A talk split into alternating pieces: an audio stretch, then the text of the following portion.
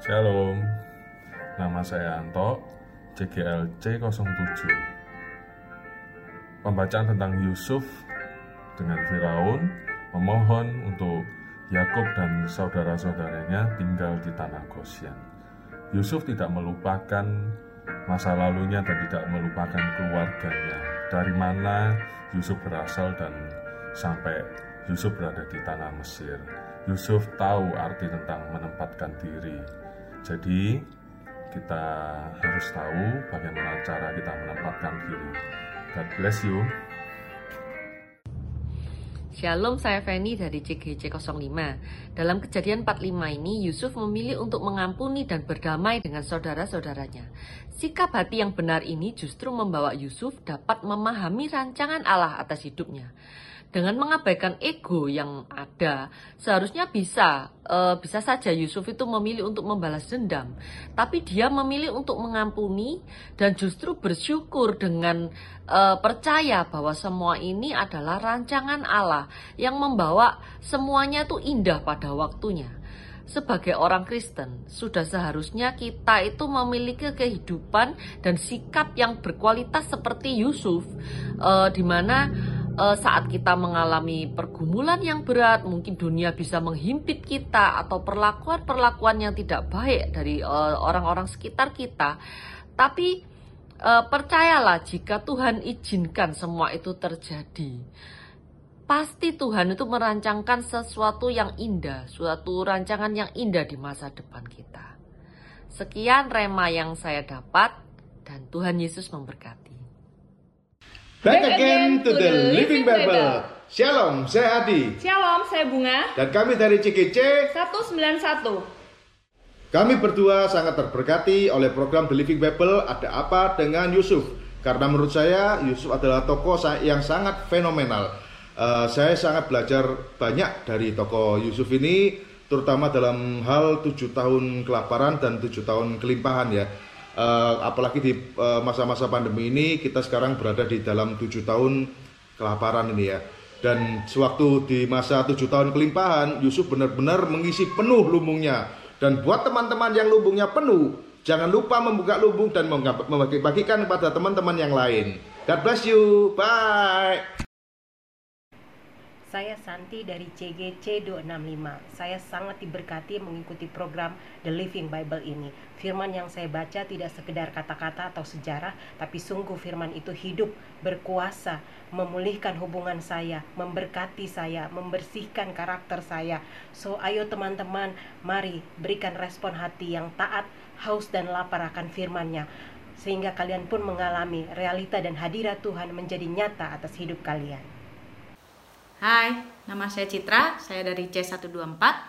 Uh, saya mau bersaksi mengenai The Living Bible tentang Yusuf, di mana dengan karakter Yusuf ini saya belajar tentang roh yang takut akan Tuhan dari seorang Yusuf, dan juga uh, saya melihat bahwa saya belajar sih bagaimana seorang Yusuf ini orangnya bukan self-center, tapi dia begitu memperhatikan orang-orang di sekitarnya. Uh, itu yang membuat saya sangat diberkati bahwa hidup kita hanya bukan buat diri kita sendiri tapi hidup kita adalah untuk Tuhan dan uh, sesama kita. Jadi saya ajak yang belum ikut The Living Bible yuk ikutan The Living Bible kami pasti akan memberkati kalian. Terima kasih Tuhan Yesus memberkati. Shalom. Lewat The Living Bible seri Ada apa dengan Yusuf, saya mendapatkan banyak hal. Yang terutama adalah sikap dan hati Yusuf yang memusatkan semua hal kepada Tuhan, terlepas dari semua kemalangan yang dialaminya. Lewat The Living Bible ini saya belajar mendalami setiap firman Tuhan. Ada juga pertanyaan yang membantu kita untuk merenungkan lagi pesan Tuhan lewat ayat-ayat firman Tuhan tersebut. Yuk, tetap semangat dan setia membaca firman Tuhan sehingga kita semakin bertumbuh. Bersyukur dengan pekerjaan Roh Kudus yang luar biasa, begitu banyak kesaksian, lewat Living Bible yang sudah kita lalui ya, bersama. Luar biasa. luar biasa pekerjaan Roh Kudus. Kami bahkan tidak uh, pernah memikirkannya, tapi itu terjadi dalam kehidupan uh, cegiers mengalami mujizat, mengalami janji-janji Tuhan. Dan uh, ada perubahan karakter juga terjadi. Demikian juga dengan pekerjaan Roh Kudus memberikan rema, pewahyuan yang luar biasa yang melalui template-template bahkan uh, sudah ada juga template-template dalam berbagai bahasa. Ada dalam bahasa Chinese, dalam bahasa uh, Jerman, dalam bahasa French, dalam bahasa Jepang, Korea, dalam bahasa uh, bahasa apalagi Jawa. bahasa Jawa. Wow, English juga luar biasa pekerjaan Roh Kudus. Uh, kami percaya bahwa The Living Bible ini akan membuat setiap kita semakin mengenal Tuhan, semakin mencintai Tuhan, dan semakin melekat dengan Tuhan. Dan berikutnya kita akan belajar mengenai Musa. Musa ini seseorang yang menandakan uh, orang yang startnya pernah gagal, tetapi Tuhan bisa pakai dia lagi. Dia sepertinya berubah karier dua kali dan Tuhan tetap bisa pakai. Dia adalah orang yang luar biasa dalam kehidupannya mengalami mujizat demi mujizat ternyata Tuhan itu bisa memberikan kesempatan kedua pada orang yang pernah gagal dan Tuhan tetap urapi dengan luar biasa. Musa adalah seseorang yang menjadi pemimpin yang membawa uh, banyak kehidupan orang berubah mendekat kepada Tuhan dan ternyata itu masalah uh, umur juga tidak pengaruh orang yang bisa dipakai Tuhan dengan segala luar biasanya dan saya percaya Anda akan diberkati saat kita akan membaca mengenai Musa. Dan saya percaya juga Anda makin takjub kalau membaca The Living Bible Series eh, Musa ini makin takjub dan bangga dengan Allah yang begitu dahsyat, begitu uh, besar karyanya, mujizatnya dalam mengasihi umatnya, dalam menyertai umatnya, dalam menepati setiap janji-janji yang diberikan pada Abraham, Ishak, Yakub, bahkan sampai kepada kalian semua. Dan kita akan memulai untuk series Ada Apa Dengan Musa mulai dari 21 Oktober sampai dengan 3 November. Saya percaya kalian semua akan menikmati Living Bible series Musa ini. Karena kita akan belajar, akan mendalami uh, Alkitab, kelahiran mulai dari kelahiran Musa hingga men Musa menyerahkan ke generasi selanjutnya yaitu Yosua. Mari kita baca bersama-sama di dalam membaca Living Bible ada apa dengan, dengan Musa. Musa. God bless God Bless you.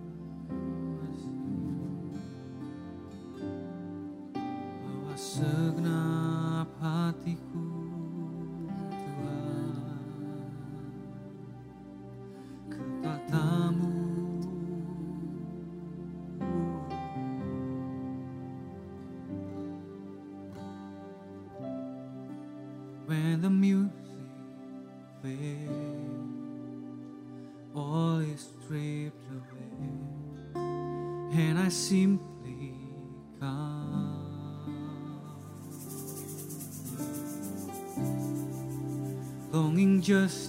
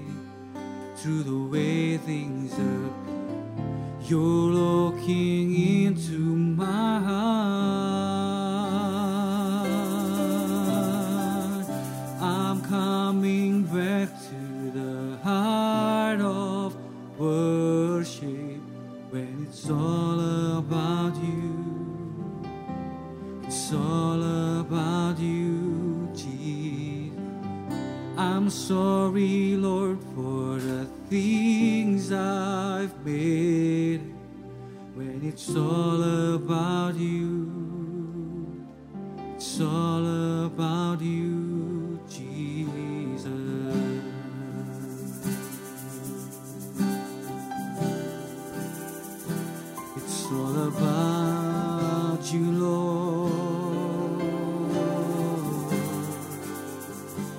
King of endless, King of endless words.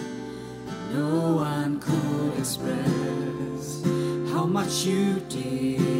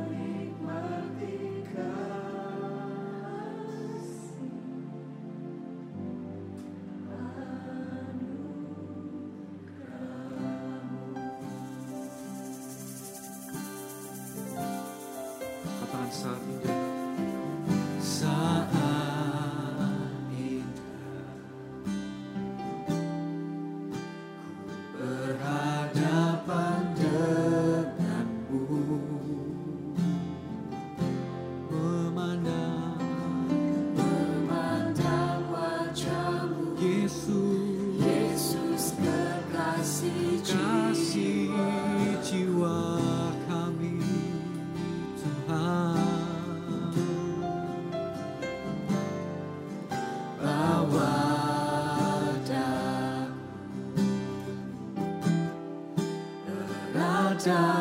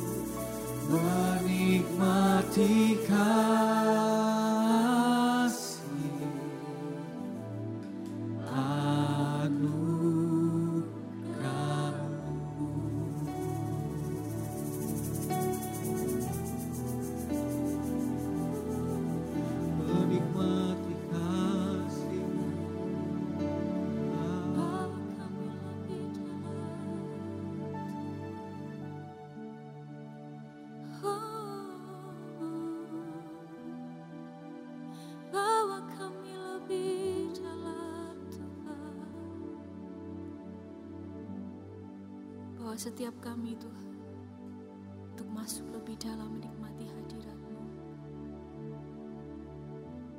Kami bawa hidup kami Tuhan, kami bawa hati kami. Jamah setiap kami Tuhan, kami merindukan Engkau.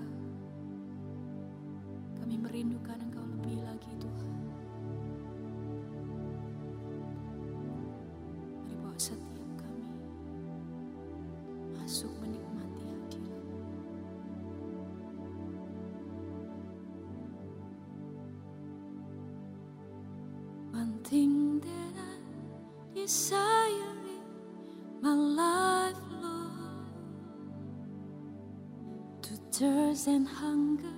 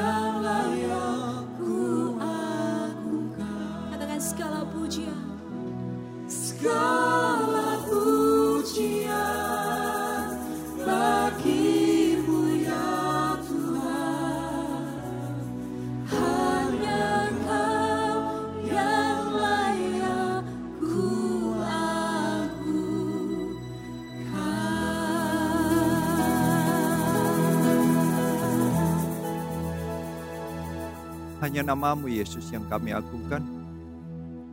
Hanya Engkau yang kami kasih. Kami rindu untuk kembali pada kasih kami yang mula-mula kepadamu Tuhan.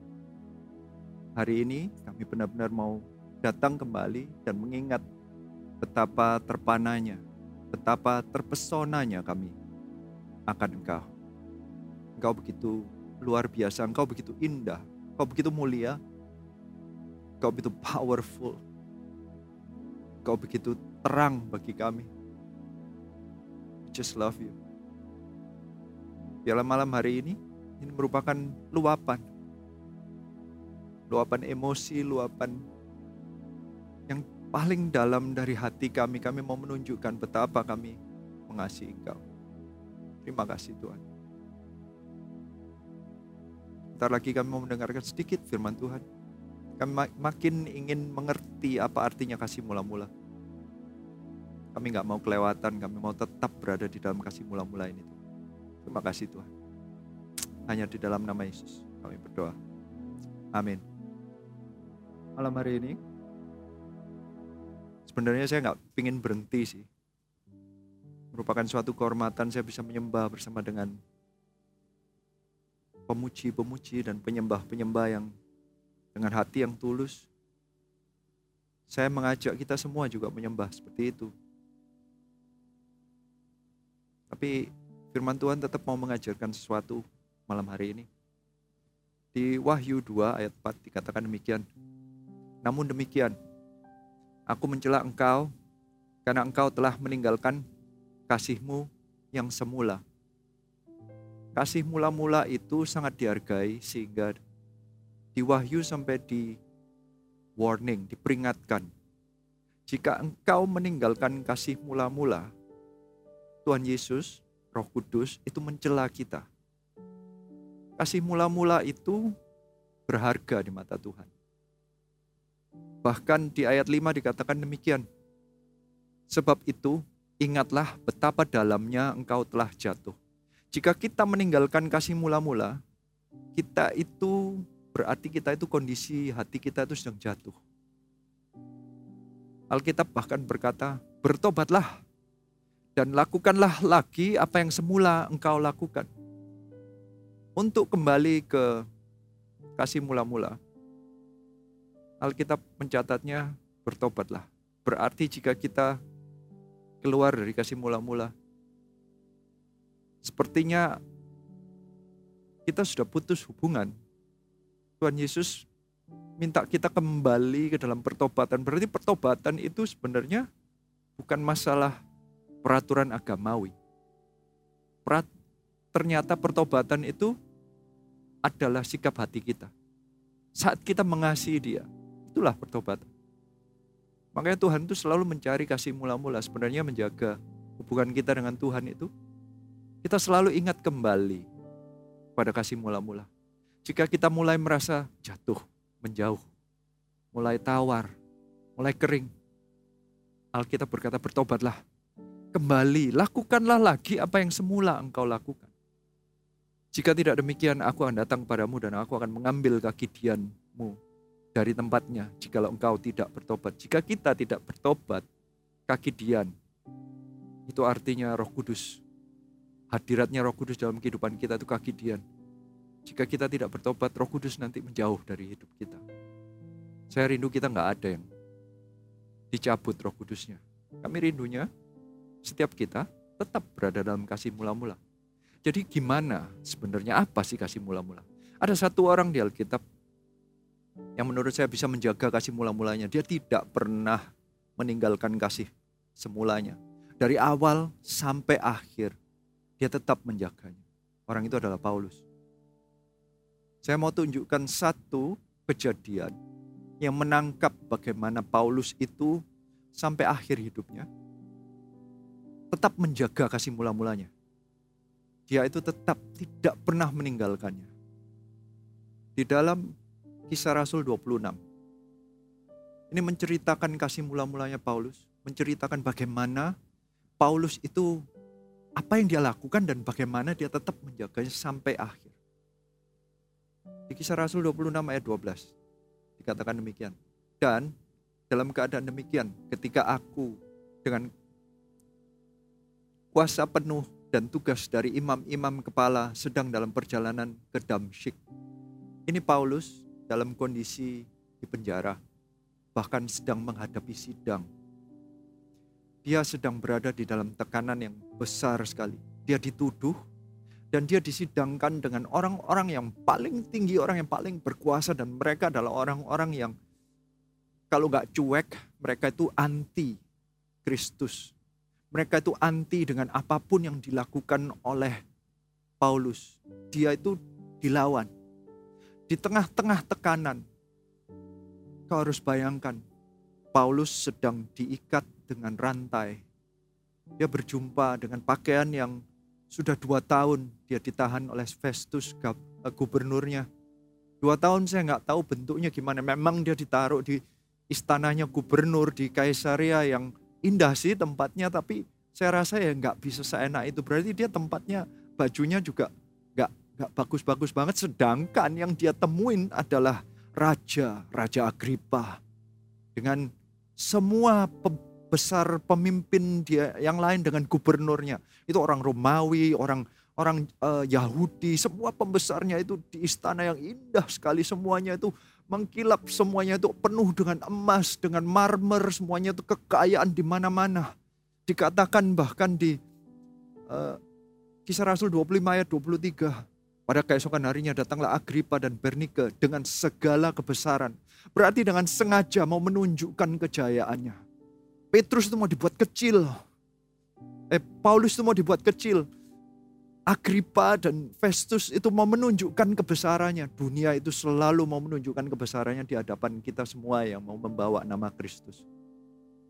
Di tengah-tengah segala sepertinya tekanan dan kejayaan. Di tengah-tengah dia sedang mengalami masalah, dia di penjara dan dituduh. Apa yang menjadi kekuatan dan apa yang menjadi dasar? Apa yang membuat Paulus tetap berpegang? Ternyata itu adalah kasih mula-mulanya kalau semua tekanan sudah menekan secara fisik, ekonomi, sosial, semua menekan. Apa yang bisa engkau pegang? Yang dipegang seharusnya adalah kasih mula-mula. Itu yang dilakukan Paulus.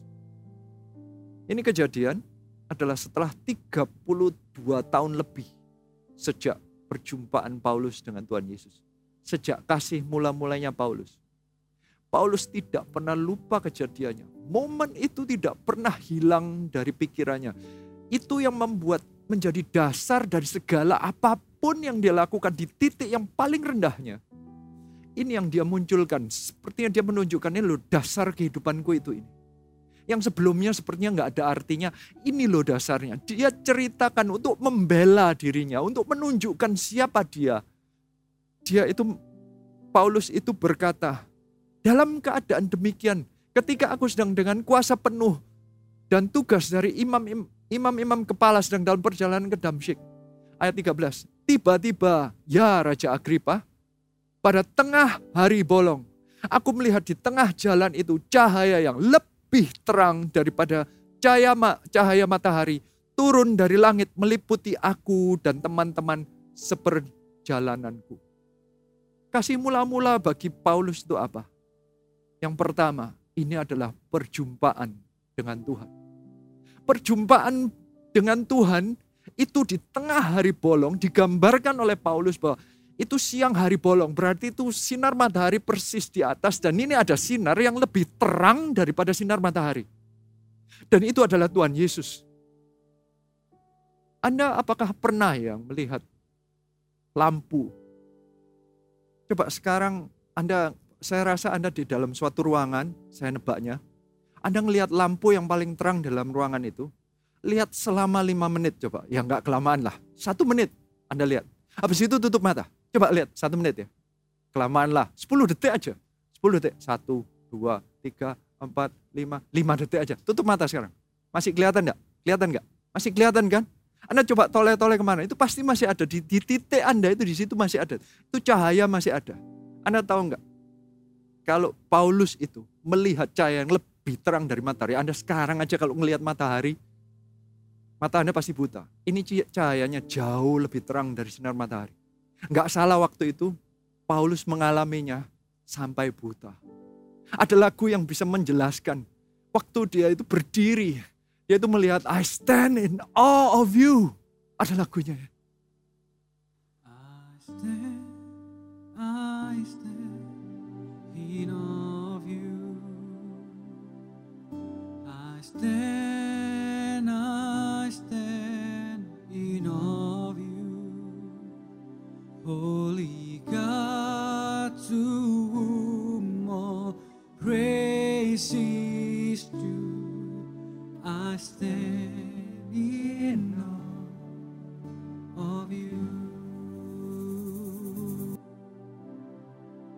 Itulah yang dirasakan oleh Paulus.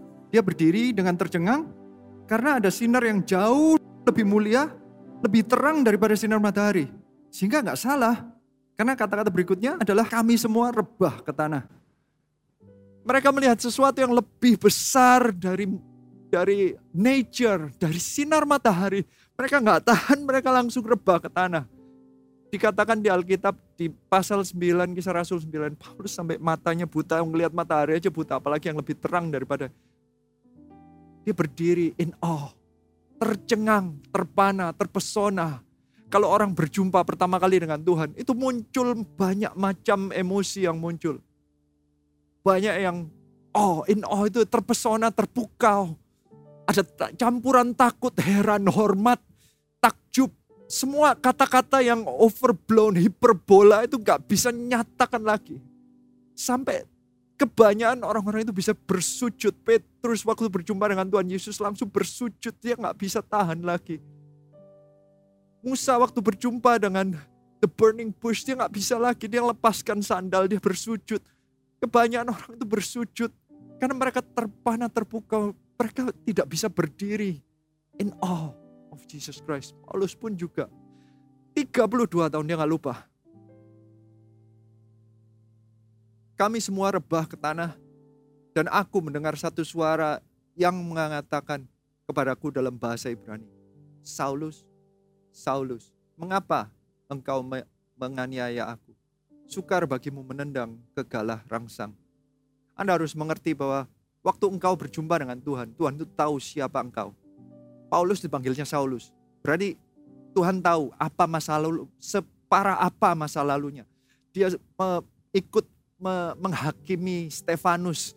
Dia memenjarakan begitu banyak orang-orang yang percaya kepada Tuhan. Dia pernah ikut membunuh orang-orang yang percaya. Dia menganiaya. Dan Tuhan tahu. Anda harus mengerti, Tuhan Yesus tahu siapa engkau. Cinta pertama Anda itu harus Anda harus mengerti, Tuhan Yesus menerima Anda apa adanya siapa pun engkau.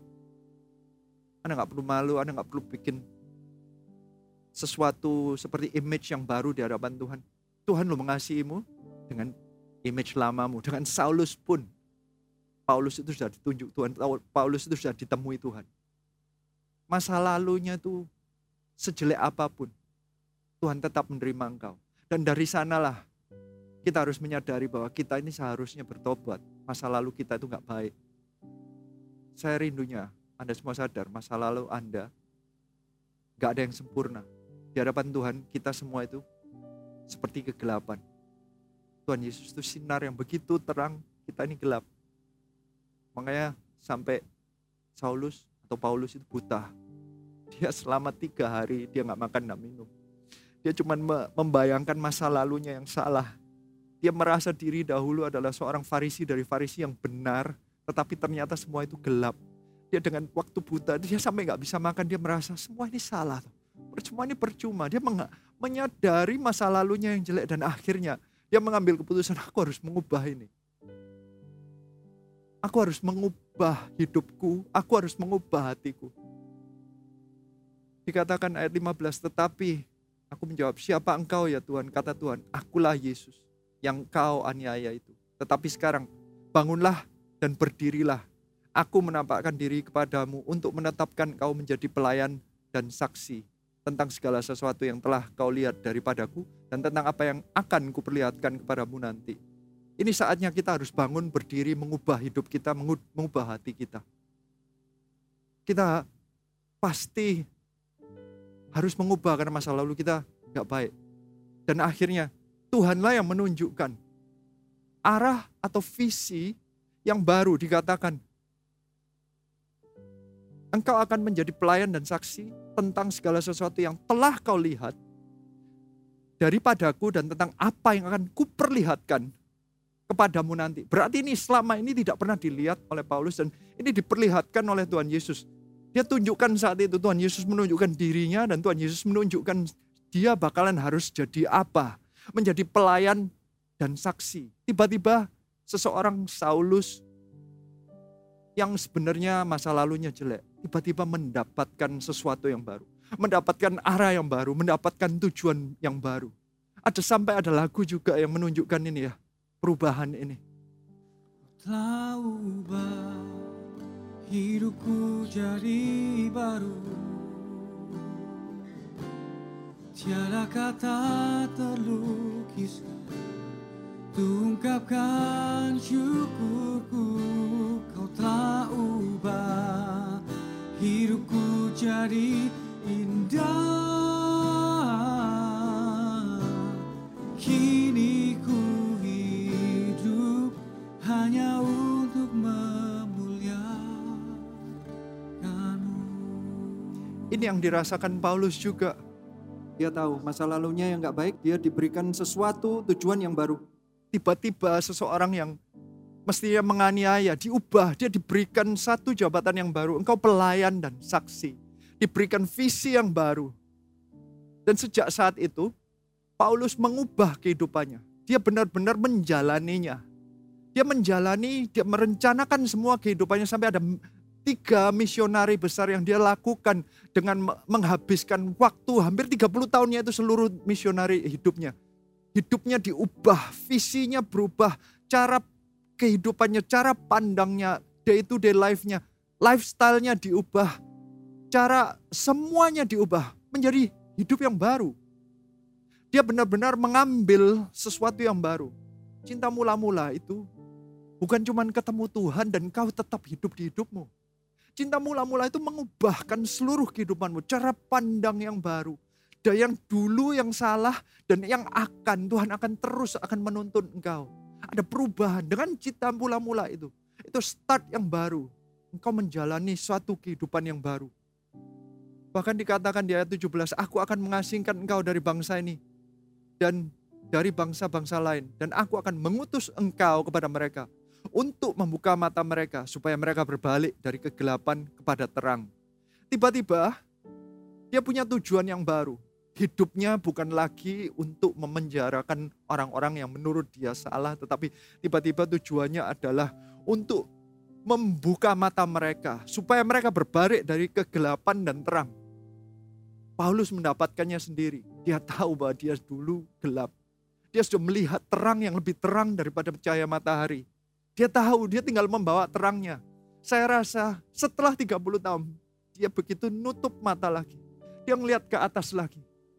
Dia langsung mengingat lagu I Stand in Awe of You.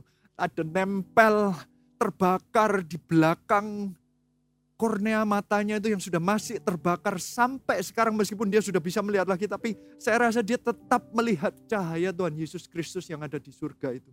Yang melihat dia dia lihat itu. Penglihatan itu tidak bisa dia lupakan. Sekali Petrus melihatnya, dia tidak bisa tidak melihatnya. Once you see him, you cannot unsee him. Sekali engkau melihat cahaya Tuhan, engkau nggak bisa. Sampai seumur hidup apa pun, engkau akan tetap melihat. Di titik terendah tergelapmu. Di saat kapal karam dikatakan di Alkitab bahwa Paulus itu hidupnya di penjara, dipukulin, disesah, dilemparin batu. Dia kapal karam tiga kali. Dia pernah gigit ular. Kenapa kok bisa? Kenapa kok bisa? Semua itu karena ada satu titik di mana dia melihat cahaya itu. Setiap kali dia mau menutup mata dan merasa capek. Dia mau merasa bahwa Tuhan, semua ini kok percuma. Dia tutup mata, dia ngingat lagi. Dia berdiri di hadapan Tuhan Yesus. Sinar yang begitu mulia. Nempel lagi, terbakar lagi. Dia dibakar lagi di titik yang terendah, tergelap pun. Dia masih melihat terang. Gara-gara itulah dia bisa membawa semua lainnya yang merasa di dalam gelap dibawa ke dalam terang. Karena di dalam Paulus Selalu ada terang itu. Sekali perjumpaan itu Paulus selalu membawa terang itu. Ke mana pun dia pergi. Makanya Paulus ke daerah mana pun, dia yang menggoncangkan kota. Hidupnya mengubahkan karena satu perjumpaan, satu kasih mula-mulanya Paulus. Bukan hanya itu, dikatakan bahwa di ayat 19, sebab itu ya Raja Agripa, kepada penglihatan yang dari surga itu, tidak pernah aku tidak taat. I like that. Karena ada kata-kata, tidak pernah aku tidak taat. Taat atau tidak itu ternyata pilihan. Meninggalkan atau tidak, kasih mula-mula. Pilihan. Paulus 30 tahun setelah dia berjumpa dengan Tuhan Yesus Kristus dia mengambil keputusan untuk setiap kali, setiap kali kata-katanya adalah tidak pernah aku tidak taat. Berarti ada saat-saatnya ada dorongan untuk tidak taat. Ada saat-saatnya ada tekanan untuk tidak taat. Ada saat-saatnya begitu gelap sehingga kayaknya aduh kenapa aku harus hidup seperti ini. Ada saatnya tetapi Paulus mengambil keputusan kepada penglihatan yang dari surga itu tidak pernah aku tidak taat. Setiap kali ada tekanan dia memilih untuk aku akan tetap taat. Setiap kali ada tekanan untuk dia, dia pilih, enggak, aku akan tetap taat. Setiap kali ada kegelapan yang menekan, ada yang mengikat, ada yang memukulin akan menjauhin. Sepertinya ada tekanan yang kelaparan yang membuat engkau sudah enggak tahan lagi. Paulus sih mengambil keputusan untuk tidak pernah tidak tahan. Mungkin penglihatan kita tidak sespektakuler Paulus. Paulus adalah salah seorang yang dibuat menjadi contoh model. Mestinya kasih mula-mula itu seperti ini. Tapi di Alkitab memang ditunjukkan bahwa nggak semua orang itu mendapatkan penglihatan yang kayak sinar sampai buta atau ada orang-orang yang kayak Daud. Daud tidak pernah dijelaskan. Dia kasih mula-mulanya kayak apa. Tapi seluruh kehidupannya itu sama dengan Paulus. Seluruh kehidupannya begitu dia mendapat kasih mula-mula itu. Kehidupannya diubahkan. Dia dengan ciptaan baru, tujuannya baru. Dan setiap kali dia mengambil keputusan untuk tetap taat. Ada tekanan dia ambil keputusan untuk tetap taat. Daud tidak sespektakuler Paulus. Tetapi Daud pun tetap taat kepada kasih mula-mula. Banyak orang itu yang berjumpaan dengan Tuhan yang gak spek sespektakuler itu. Paulus pun sebenarnya kalau mau diomong, apakah dia langsung berjumpa dengan Tuhan Yesus hanya di jalan Damsyik itu? Sebenarnya Paulus pernah melihat sinar Tuhan Yesus itu melalui cerminan dari waktu Stefanus yang dilempari batu itu. Mukanya begitu bersinar. Itu cuman pantulan dari sinarnya Tuhan Yesus. Karena saat itu Stefanus juga berdiri, standing out. Katanya Tuhan Yesus sedang berdiri waktu Stefanus lagi mau mati. Paulus ngelihat mukanya Stefanus, yang lihat kok bisa ya, orang ini kok bisa bersinar. Yang dilihat itu cuma sinarnya Tuhan Yesus yang menyinari Stefanus. Dia sudah pernah ngelihat bayangannya aja. Ada orang-orang yang terjemah jamahannya itu hanya karena mendapat dari pancarannya orang lain. Banyak di antara kita melihatnya dari kayak begitu. Timotius pun mengikuti Paulus. Tidak pernah diceritakan Timotius ketemu Tuhan apa enggak. Timotius mendapatkan sinarnya dari sinarnya Paulus. Pantulannya Tuhan Yesus melalui kehidupan Paulus. Dari situ semua orang bisa melihat mestinya setiap kita ini menjadi ambasadornya Kristus. Kitalah kata-kata the light of the world itu dua. Tuhan Yesus dikatakan the light of the world. Tapi kita pun disuruh disebut kita adalah the light of the world. Kenapa? Kalau di dalam kita ada Tuhan, berarti kitalah yang menyinari orang lain di sekitar kita. Makanya Paulus disuruhnya adalah, engkau yang membawa mereka yang dari gelap menuju terang. Karena yang bawa terang itu sekarang adalah Paulus-Paulusnya, kita-kita yang membawa terangnya. Gak mesti harus ketemu seperti Paulus, tetapi saya percaya cinta mula-mula itu bisa dialami sama seperti yang dialami Paulus. Begitu engkau berjumpa dengan dia, engkau kagum, entah itu mungkin engkau mengalami mujizat, engkau ditolong dari kesembuhan. Engkau ditolong dengan mendapatkan jamahan. Mungkin engkau mendapatkan hikmat yang baru. Bisnismu ditolong mungkin. Keluar dari hutang mungkin. Mungkin saat itu engkau pertama kali dapat jamahan roh kudus. Mungkin berbahasa roh pertama kali. Mungkin itu pertama kali engkau mendapatkannya di satu KKR. Itu perjumpaan pertama. Engkau berdiri dengan kagum pada Tuhan. Tapi saya percaya saat itu Engkau sadar masa lalumu harus diubah. Sehingga kau mengambil keputusan, aku mengubahnya. Dan saat itu engkau makin mengerti, saat mengubah itu engkau harus apa? Engkau punya tujuan yang baru. Engkau dikatakan engkau harus menjadi saksi bagi Kristus. Engkau harus membawa orang lain dari gelap menuju terang. Engkau mengambil keputusan, hidupmu diubahkan, seluruh kehidupanmu diubahkan, engkau melayani Tuhan. Dan akhirnya engkau mengambil keputusan untuk selalu tetap setia. Itulah kasih mula-mula. Di Wahyu 4, Wahyu 2 ayat 5 dikatakan. Bertobatlah dan lakukanlah lagi apa yang semula engkau lakukan. Sama seperti yang Paulus lakukan. Ingat kembali perjumpaanmu dengan Tuhan. Kekagumanmu, keterpanaanmu terhadap Tuhan. Ada yang merasa damai, ada yang merasa sukacita, ada yang merasa gembira, ada yang merasa kagum, ada yang merasa takut, takut takut kagum, in awe. Tapi kembalilah ke sana. Hari ini saya rindunya kita semua kembali ke titik perjumpaan dengan Tuhan. Sama seperti Paulus berjumpa dengan Tuhan Yesus di Damsyik. Paulus selalu berjumpanya bukan di satu ruangan ibadah. Paulus sedang berjalan di tempat yang terpencil, sepertinya tempat yang lagi gak ada orang lain sekitar mungkin, ya ada cuman beberapa orang mungkin cuman keluarga yang barengin, sama mungkin Anda di tempat, cuman ada beberapa orang, ini mungkin jalan damsyik. Ini saatnya engkau mengingat kembali perjumpaanmu dengan Tuhan Yesus Kristus. Dan kau lakukan kembali semua yang harus kau lakukan saat kau berjumpa dengan kasih mula Mari semua tundukkan kepala. Saya rindu kita bersama-sama merenungkan kembali. Titik pertama di mana engkau berjumpa dengan Tuhan. Saat pertama engkau kagum dengan Tuhan. Saat pertama engkau mendapatkan jamahan dari Tuhan. Saat pertama engkau merasakan kasih Tuhan. Saat pertama seperti yang engkau mendapatkan belayan dari Bapa di surga saat pertama engkau mendapatkan damai itu, saat pertama engkau dilepaskan dari belenggu-belenggu dari iblis. Saat pertama engkau dilepaskan dari segala beban berat dari dunia ini.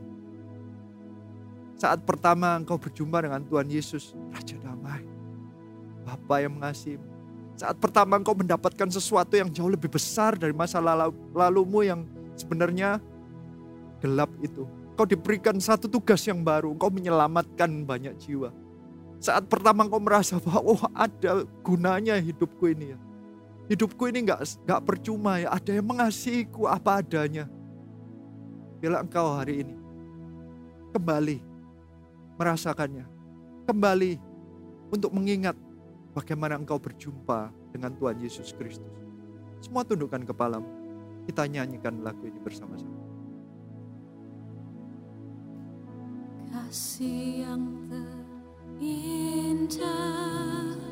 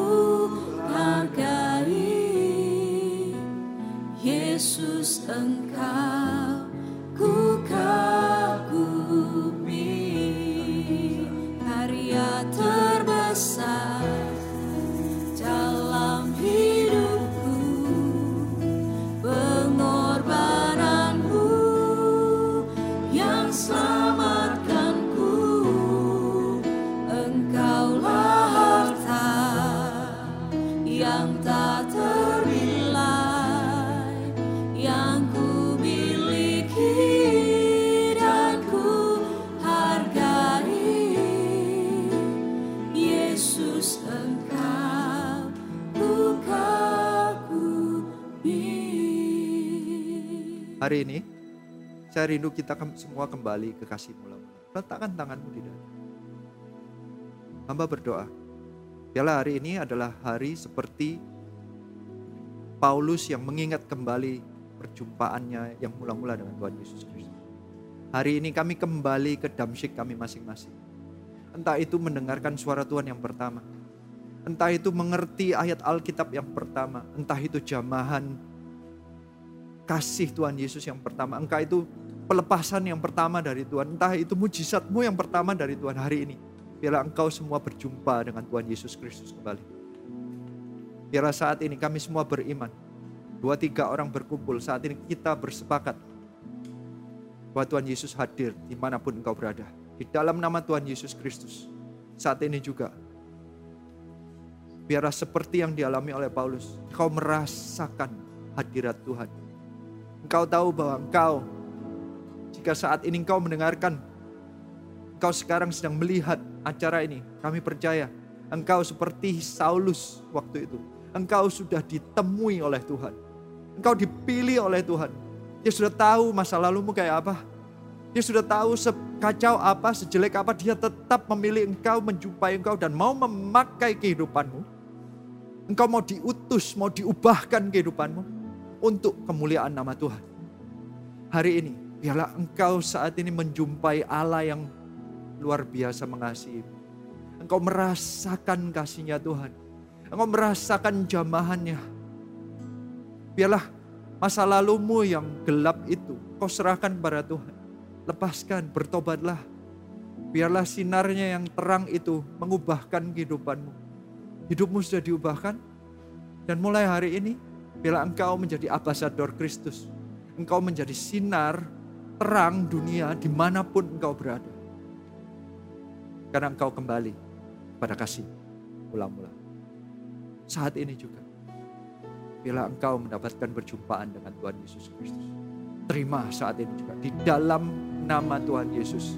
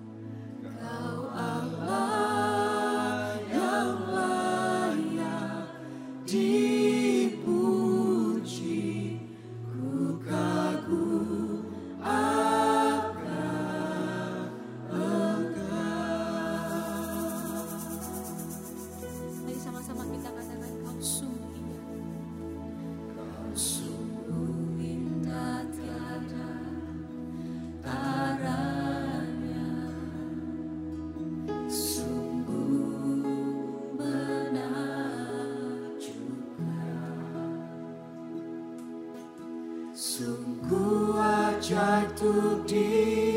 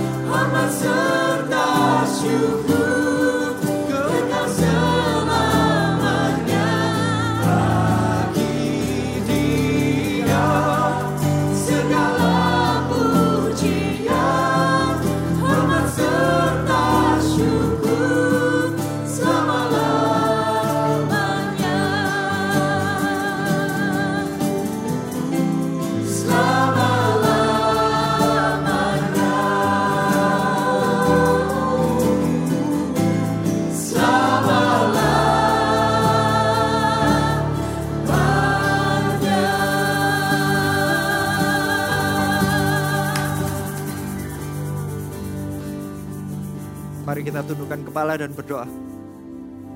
Makasih Tuhan, Kau Allah yang begitu baik. Kami merasakan kasih-Mu. We love you Lord. Kami mau kembali mengingat betapa pengorbananmu itu begitu berharga bagi kami. Kami mau mengingat betapa hadiratmu itu begitu nyata dan begitu luar biasa bagi kami. Engkaulah yang menerangi jalanku. Engkaulah yang membuat aku menjadi hidup. Ini deklarasi kami malam hari ini. Kami mau tetap setia mengikut Engkau, menjalani hidup kami yang baru di dalam Engkau itu. Kami gak akan meninggalkan kasih yang mula-mula kami. We love you so much, Lord. Angkat kedua tanganmu untuk mengatakan kepada Tuhan, angkat kepalamu. Bila kami mau merasakan cahaya kasih sinar panasmu. Di titik tergelap pun kami tetap tahu kau tetap menyinari kami. Di titik terdalam yang sepertinya sendirian pun kau tetap beserta dengan kami. You are my light. You are my life. You are my love. Thank you Lord. We love you. Terima pujian kau. Terima penyembahan kau. We love you. In Jesus' name.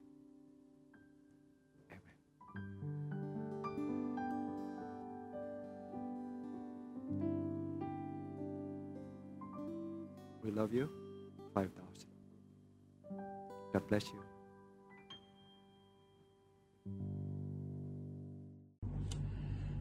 Shalom, saya Lita dari CGC 07. Rema yang saya dapatkan dari kejadian 47 ayat 13 sampai 26 adalah sering kali orang lupa daratan jika sudah punya kekuasaan. Bahkan mereka kerap menyalahgunakan otoritas dengan menindas yang lemah. Namun Yusuf tidak demikian. Dia malah menunjukkan hal yang sebaliknya. Seorang penguasa dapat bertindak arif untuk menguntungkan rakyat dan juga negaranya. Ketika berada di puncak kekuasaan, Yusuf melakukan tugasnya dengan baik dan bijaksana. Dia menguntungkan Firaun, tetapi juga berbelas kasihan kepada rakyat. Rasa syukur rakyat membuktikan bahwa Yusuf dinilai melakukan kebajikan.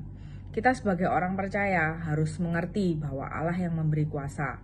Karenanya, kita harus mempergunakannya dengan arif dan bijaksana.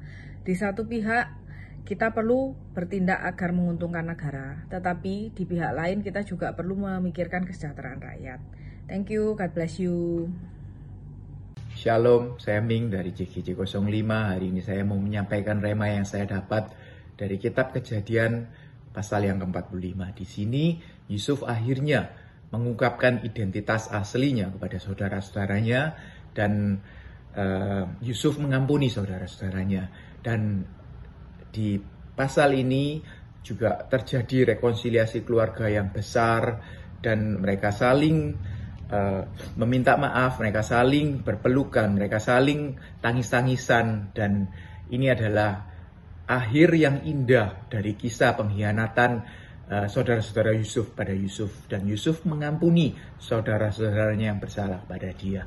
Dan kayaknya Tuhan itu berkenan dan mengingat-ingat kejadian ini dan bahkan uh, menjadi inspirasi pada Tuhan Yesus dan ini juga kayaknya uh, terjadi lagi di eranya di eranya Tuhan Yesus ketika dia ada di dunia ini. Jadi mirip-mirip dan kayak dinapaktilasi oleh Tuhan Yesus dan ditiru kisahnya oleh Tuhan Yesus uh, mirip-mirip uh, dan saudara-saudara lakinya Yusuf itu 12 orang banyaknya murid Tuhan Yesus juga 12 orang. Uh, salah satu dari mereka sama-sama mengkhianati mereka. Kalau di kubunya Yusuf yang mengkhianati adalah Yehuda yang berinisiatif untuk menjual. Uh, Yusuf adalah Yehuda dan murid Tuhan Yesus yang mengkhianati adalah Yudas Iskariot. Mereka sama-sama dijual. Mereka sama-sama dijual dengan perak. Kalau Yusuf dijual dengan 20 hikal perak. Tuhan Yesus dijual dengan 30 keping perak. Dan mereka sama-sama mengampuni orang yang bersalah pada mereka. Yusuf mengampuni saudara-saudaranya yang tadi kita bahas.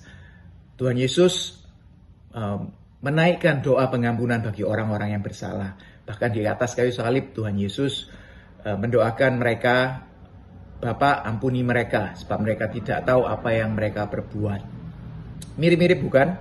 Dan mereka akhirnya juga sama-sama diangkat oleh Tuhan. Uh, Yusuf menjadi orang nomor dua di Mesir. Kalau Tuhan Yesus bahkan dibangkitkan dari kematian untuk membuktikan bahwa dialah Mesias, dialah penyelamat, dialah anak Allah satu-satunya yang menjadi penebus bagi kita semua. Jadi uh, Tuhan itu kayak yang berkenan bagi kita kisah Yusuf dan salah satu yang paling berkenan itu adalah uh, Yusuf itu mau untuk mengampuni orang yang yang bersalah pada dia.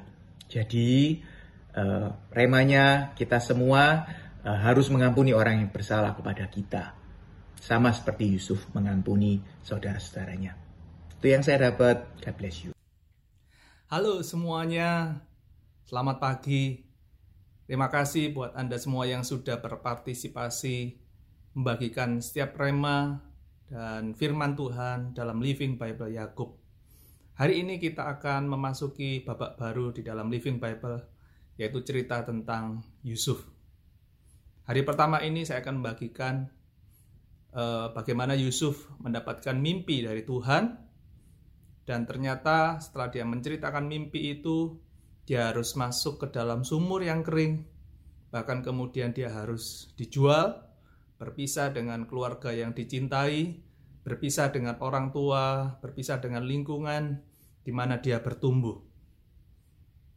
Tapi ternyata cerita Yusuf tidak berakhir di sumur, bahkan tidak berakhir di pedagang-pedagang Mesir tersebut. Rema yang saya dapatkan dari cerita Yusuf ini adalah setiap mimpi yang Tuhan berikan dalam hidup kita bahkan setiap firman janji yang Tuhan sudah berikan, pasti akan digenapi oleh Tuhan di dalam kehidupan kita. Tuhan tidak akan pernah merasakan kesulitan untuk mengenapi setiap janjinya atas hidup, eh, atas hidup kita. Tangannya tidak kurang panjang, telinganya tidak kurang tajam untuk menjawab, menjawab siap doa dan pergumulan kita ketika kita berjalan di dalam proses kehidupan ini. Apa pun keadaan kita hari-hari ini, mungkin kita mengalami seperti Yusuf. Masuk di dalam sumur yang kering. Kita sepertinya di penjara oleh pandemi ini, oleh uh, pekerjaan yang tidak menentu dan sebagainya. Tapi pagi hari ini saya mau mengingatkan buat Anda semua, menguatkan Anda bahwa pekerjaan Tuhan dalam hidup Anda tidak belum selesai. Pekerjaan Tuhan penggenapan eh, Tuhan atas setiap mimpi-mimpi yang Tuhan sudah berikan belum selesai sampai hari ini. Tuhan akan terus mengerjakan. Bahkan pandemi ini pun tidak akan pernah bisa menghentikan rencana Tuhan, mimpi yang Tuhan sudah berikan dalam kehidupan Anda. Terus berjalan dalam ketaatan, terus berjalan di dalam kehendak dan rencananya, terus berjalan di dalam firman Tuhan saya percaya satu saat kita akan melihat mimpi-mimpi kita akan terjadi dan dikenapi oleh Tuhan. Tuhan Yesus memberkati. I love you. 5000.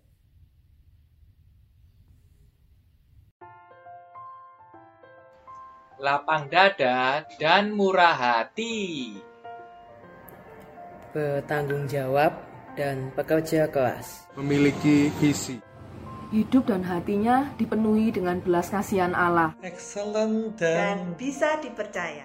Seorang yang terus berada di roadmapnya Tuhan, mengerjakan kehendak Tuhan di segala kondisi. Seorang yang rendah hati dan tahu kehendak Tuhan. Pemaaf. Selalu melakukan yang terbaik. Apa pun situasi dan kondisinya. Itulah yang kami pelajari dari karakter seorang Yusuf. Mari sama-sama kita tetap semangat dan antusias mengikuti kegerakan The Living Bible. God bless you. Shalom, saya Widianto. Hari ini saya mau membagikan tema yang saya dapatkan melalui kejadian pasal 39, Yusuf di rumah Potifar. Di rumah Potifar, walaupun Yusuf sudah mendapatkan kekuasaan yang begitu besar, kepercayaan yang begitu besar, tapi itu tidak membuat Yusuf menjadi orang yang angkuh maupun sombong maupun menyalahgunakan kekuasaannya. Dia tetap bisa menjaga dirinya, tetap rendah hati. Itulah yang saya melihat dia mampu menghindari melarikan diri dari godaan-godaan yang bisa menyebabkan dia jatuh ke dalam dosa. Saya percaya setiap kita ketika kita menjaga hati kita tetap rendah hati, maka kita pun akan lebih mudah untuk menghindari godaan-godaan dan jatuh di dalam dosa. Sekian Tuhan Yesus memberkati. Shalom, izinkanlah kami berdoa buat setiap kalian semua agar kami semua bisa menang seperti Yusuf. Mari kita berdoa. Tuhan Yesus, kami mengucap syukur buat kebaikan dan kemurahan yang Tuhan berikan terus dalam kehidupan kami. Kami berdoa ya Roh Kudus, jauhkan setiap kami daripada pencobaan, berikanlah setiap kami kerendahan hati, dan tuntunlah kami untuk menggenapi rencana Tuhan di dalam kehidupan kami semua. Dalam nama Yesus kami telah berdoa dan mengucap syukur. Amin. Amin.